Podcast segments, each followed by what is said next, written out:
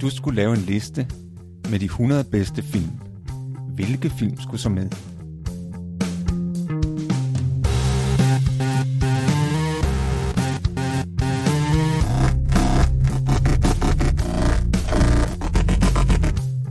Hej, jeg hedder Morten. Og jeg hedder Thomas. Lyt med, når vi taler om vores liste med de 100 bedste film.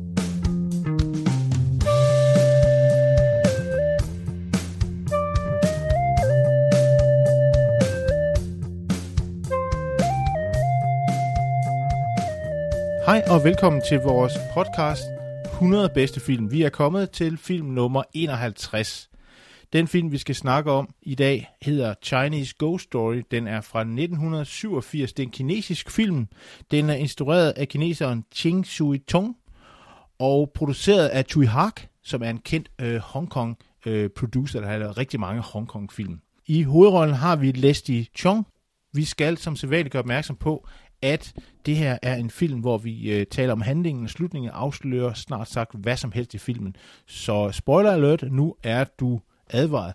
Jeg hedder Morten. Og jeg hedder Thomas. Thomas, hvad handler filmen om? Filmen starter med, at vi ser en øh, ung mand, som øh, er på rejse, og som arbejder som inkassator, og han øh, kommer til den her by, hvor han øh, spørger, om der er et sted, han kan overnatte uden at betale, fordi han har ikke nogen penge. Og så siger de til ham, jo, du kan overnatte ude i det her forladte tempel, lidt uden for byen. Og han kommer så derud, og han møder en ung kvinde derude, som han bliver forelsket i.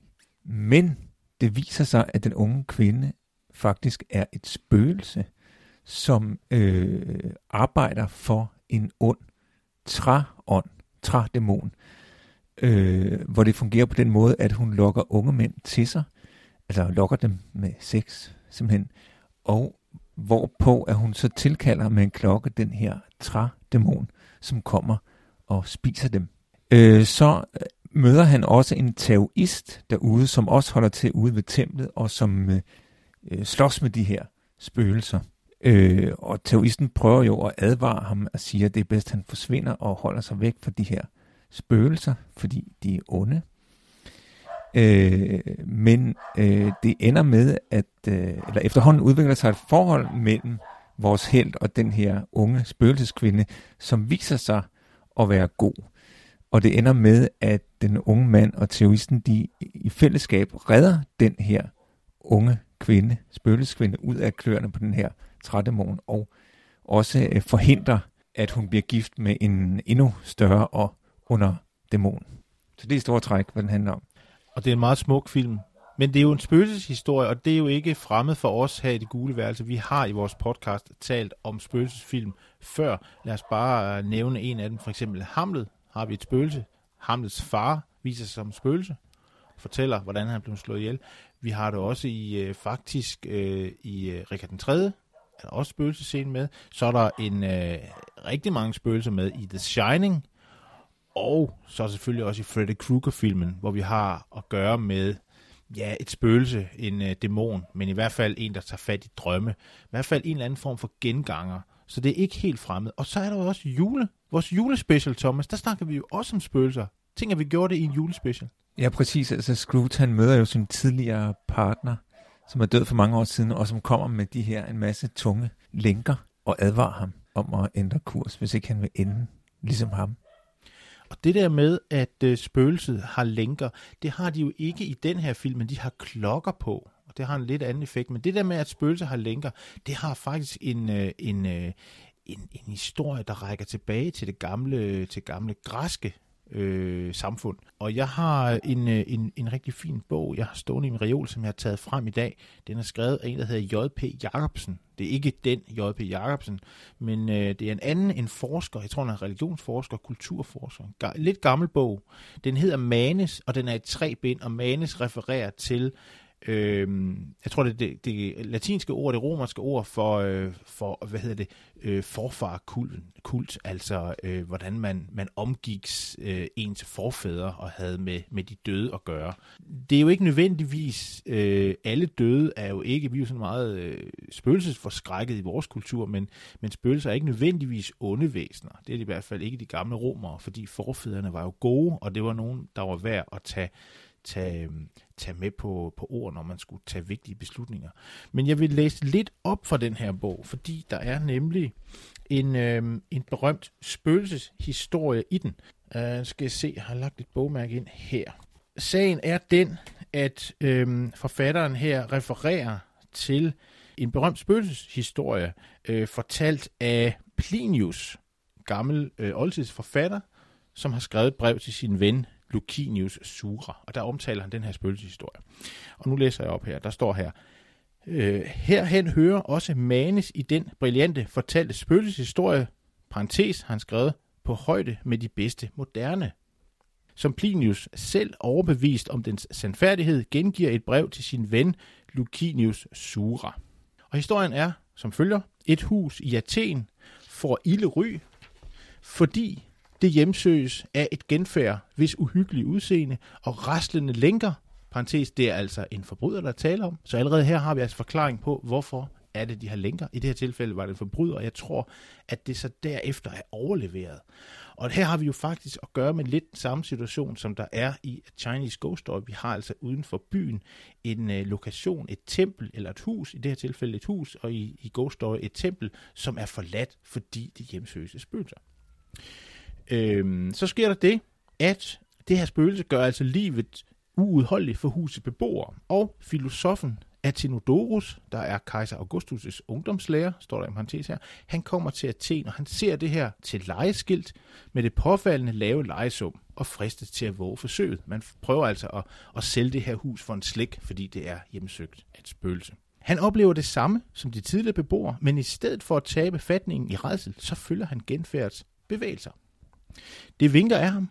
Han følger det ud. Man kan se scenen ikke? om natten her, hvor han går ind i huset, og så det her spøgelse kommer, og så følger han efter det, og det, det vinker så af ham og fører ham ud til et sted, hvor efter det så forsvinder. Atenodorus, han mærker sig stedet, afmærker stedet og lader dagen efter øvrigheden undersøge det, og man finder i jorden et skelet omviklet med lænker. Genfærdet spørger sig ikke mere, så snart dets manes er rigtig ritet, altså rigtig jordfæstet. Det vil sige, at det her spøgelse skulle altså øh, begraves rigtigt. Og sådan er det ofte med spøgelser. De indeholder en eller anden form for gåde, som man skal løse et eller andet, der er uforløst. Noget, de bærer rundt på, som de må slippe, før de endelig kan bevæge sig ind i dødsriget og lade være med at hjemsøge menneskene. Ja, altså, jeg tror, det gælder for alle spøgelser, at der er et eller andet, der er uafsluttet. Der er noget i deres jordiske tilværelse, som de, de hænger fast i. Noget, de ikke er blevet færdige med. Og det er det, man skal hjælpe dem med at forløse, så de kan komme videre. Men det er jo også, øh, som du var inde på, en, og i, i filmen er det også en vigtig pointe, at øh, spøgelser behøver jo ikke at være onde. Vi er jo traditionelt, eller i dag, meget spøgelsesforskrækket. Vi har en forestilling om, at spøgelser, de må være onde. Det kan man også se i mange af de her øh, halvdårlige spøgelsesdokumentarer, hvor man har sådan nogle spøgelsesjæger, der skal undersøge et hus. Og det, og det er jo næsten altid nogle onde spøgelser, ikke? Men det synes jeg er en vigtig pointe i den her film. Der er sådan en scenefilm, hvor, hvor de diskuterer det, fordi vores, vores unge øh, held har jo den samme opfattelse, at spøgelser må være onde. Da den unge spøgelseskvinde afslører for ham, hun er et spøgelse, så er hans første reaktion jo også, at han siger, ja, uha, så bliver han bange og siger, men spøgelser er jo onde. Og så da hun siger, jamen, ikke nødvendigvis. Uh, spøgelser er jo forskellige, ligesom mennesker, og der er faktisk nogle spøgelser, der er mere retskræftende end mennesker. Ja, ham her, vores, øh, vores øh, tao, taoist, øh, munken, der, der slås mod spøgelserne og opsøger dem, han har det faktisk bedst ved at være sammen med spøgelser. Ja, for det, han er træt af mennesker. Han er træt af mennesker, ja. Og det her med, med, med, med, med Tao og Taoismen og Daoismen er jo, øh, kommer jo rigtig meget til, til syne i filmen, og øh, hvis man er interesseret i, i den måde, altså den filosofi, som er sådan øst, østens, øh, hvad skal man sige, folke, folkefilosofi, øh, så, så får man rigtig meget ud af den også. Han er jo helten. Han er jo den, der, der kan stå op imod spøgelserne og ved, hvad der, hvad der skal til for at bekæmpe dem, og alligevel også måske kan redde den her spøgelseskvinden og hjælpe den unge mand. Så han må sige at være vores, vores held i filmen, eller hjælperen. Ja, og i den her film, der er religion, eller magi kan man også sige, jo noget, der virker, noget, der er reelt. I modsætning til, jeg kommer til at tænke på øh, Ran, Kurosawas øh, samurajfilm, som vi snakker om her for nylig, ikke? Øh, hvor der var en, sådan et øh, Gud er død tema. Altså, der var ligesom morale i den film med, ej, jamen, altså, religion, det er noget bras. Det kan, det kan vi ikke bruge til noget. Vi er nødt til at klare det selv, ikke? Og det synes jeg er sjovt, fordi den ligger jo rimelig tæt på tidsmæssigt på den film, vi snakker om i dag, Chinese Ghost Story, ikke? og øh, geografisk er det heller ikke så langt fra hinanden. Øh. Den ene er fra Japan, og, og vores film i dag er fra Hongkong. Ikke? Men alligevel er der helt forskellige syn på religion. Måske kan man da sige, at i, i den film, vi snakker om i dag, af Chinese Ghost Story, der er det lidt som om, at religionen er kommet tilbage. Man, man får i hvert fald et meget sådan positivt, pragmatisk, brugbar indtryk af religionen i den her film. Den, den her film har også, øh, har også givet anledning til, at man lavede et brætspil, øh, der, der hedder Ghost Stories, hvor, hvor man som spiller skal arbejde sammen, øh, og, og hver spiller tager rollen som en, som en tavemunk, og skal så kæmpe mod de her forskellige spøgelser, man kan møde. Og, øh, og der bruger man også sådan nogle rekvisitter som, som nogle øh, kinesiske mønter og nogle klokker og, og nogle skåle med ris. Og, øh, og der kan man altså, øh, man kan sådan ligesom fornemme, at man har forsøgt at skabe den samme spænding i, i det her brætspil. Jeg skal lige sige, at det er et rigtig godt brætspil, men det er hulen svært at komme igennem.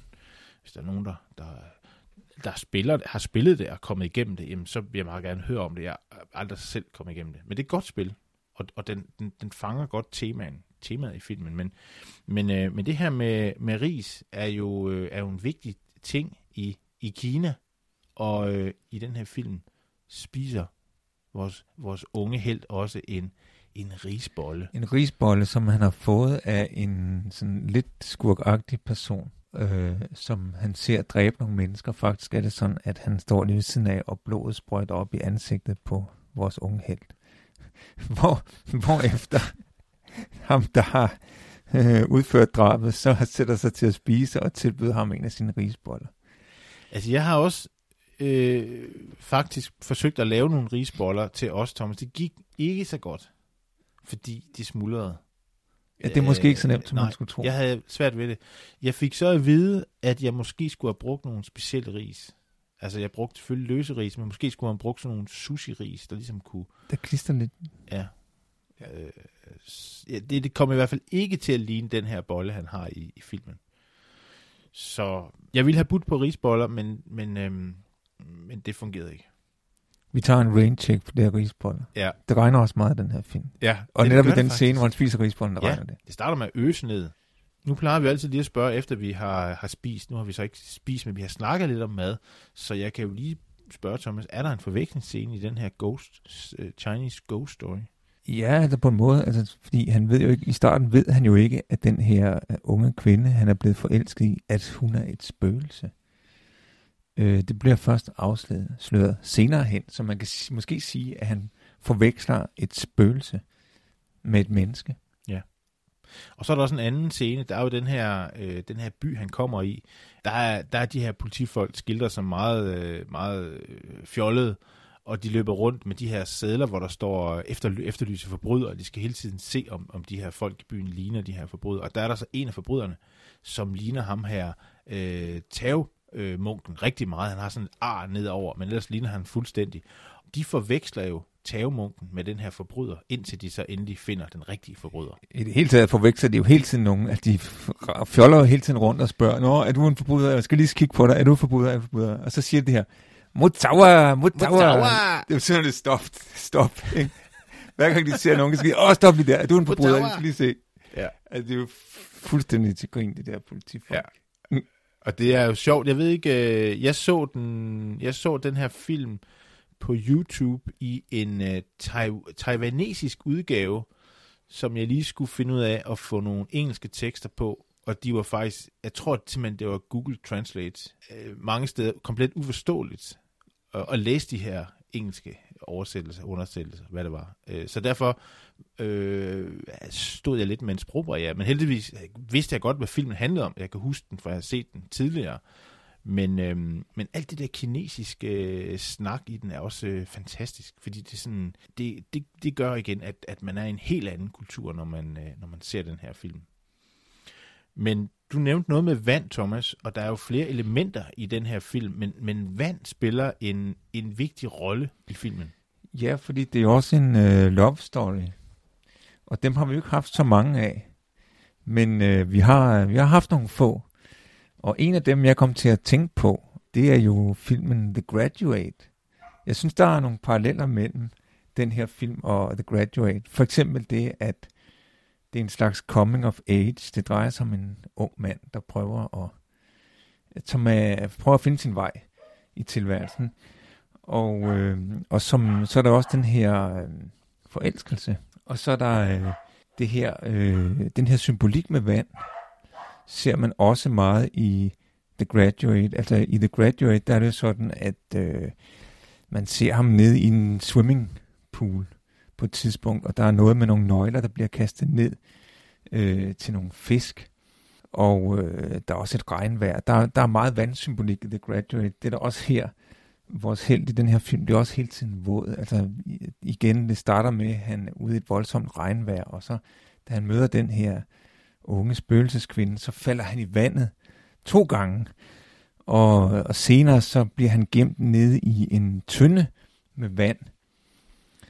Øh, og det er faktisk en meget smuk scene, øh, hvor hun, fordi han har svært ved at få luft ned i den der tynde, og så på et tidspunkt så øh, bøjer hun sig ned og, og kysser ham under vandet, samtidig med, at hun så blæser luft ind i ham. Ikke? Og, og den er på en måde parallel til en scene, der er i The Graduate, hvor han på et tidspunkt er nede i en swimmingpool for at afprøve en dykkerdragt.